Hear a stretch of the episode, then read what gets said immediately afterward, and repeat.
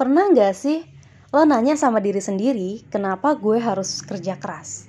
Banyak loh orang yang mikir kalau lo harus kerja keras biar dapat banyak harta, biar bisa kelihatan keren di mata orang, atau biar bisa balas dendam sama orang yang udah pernah ngeremehin kita. Padahal ada alasan yang lebih asik loh menurut gue. Kerja keras biar lo bisa enjoy life dan dapat freedom.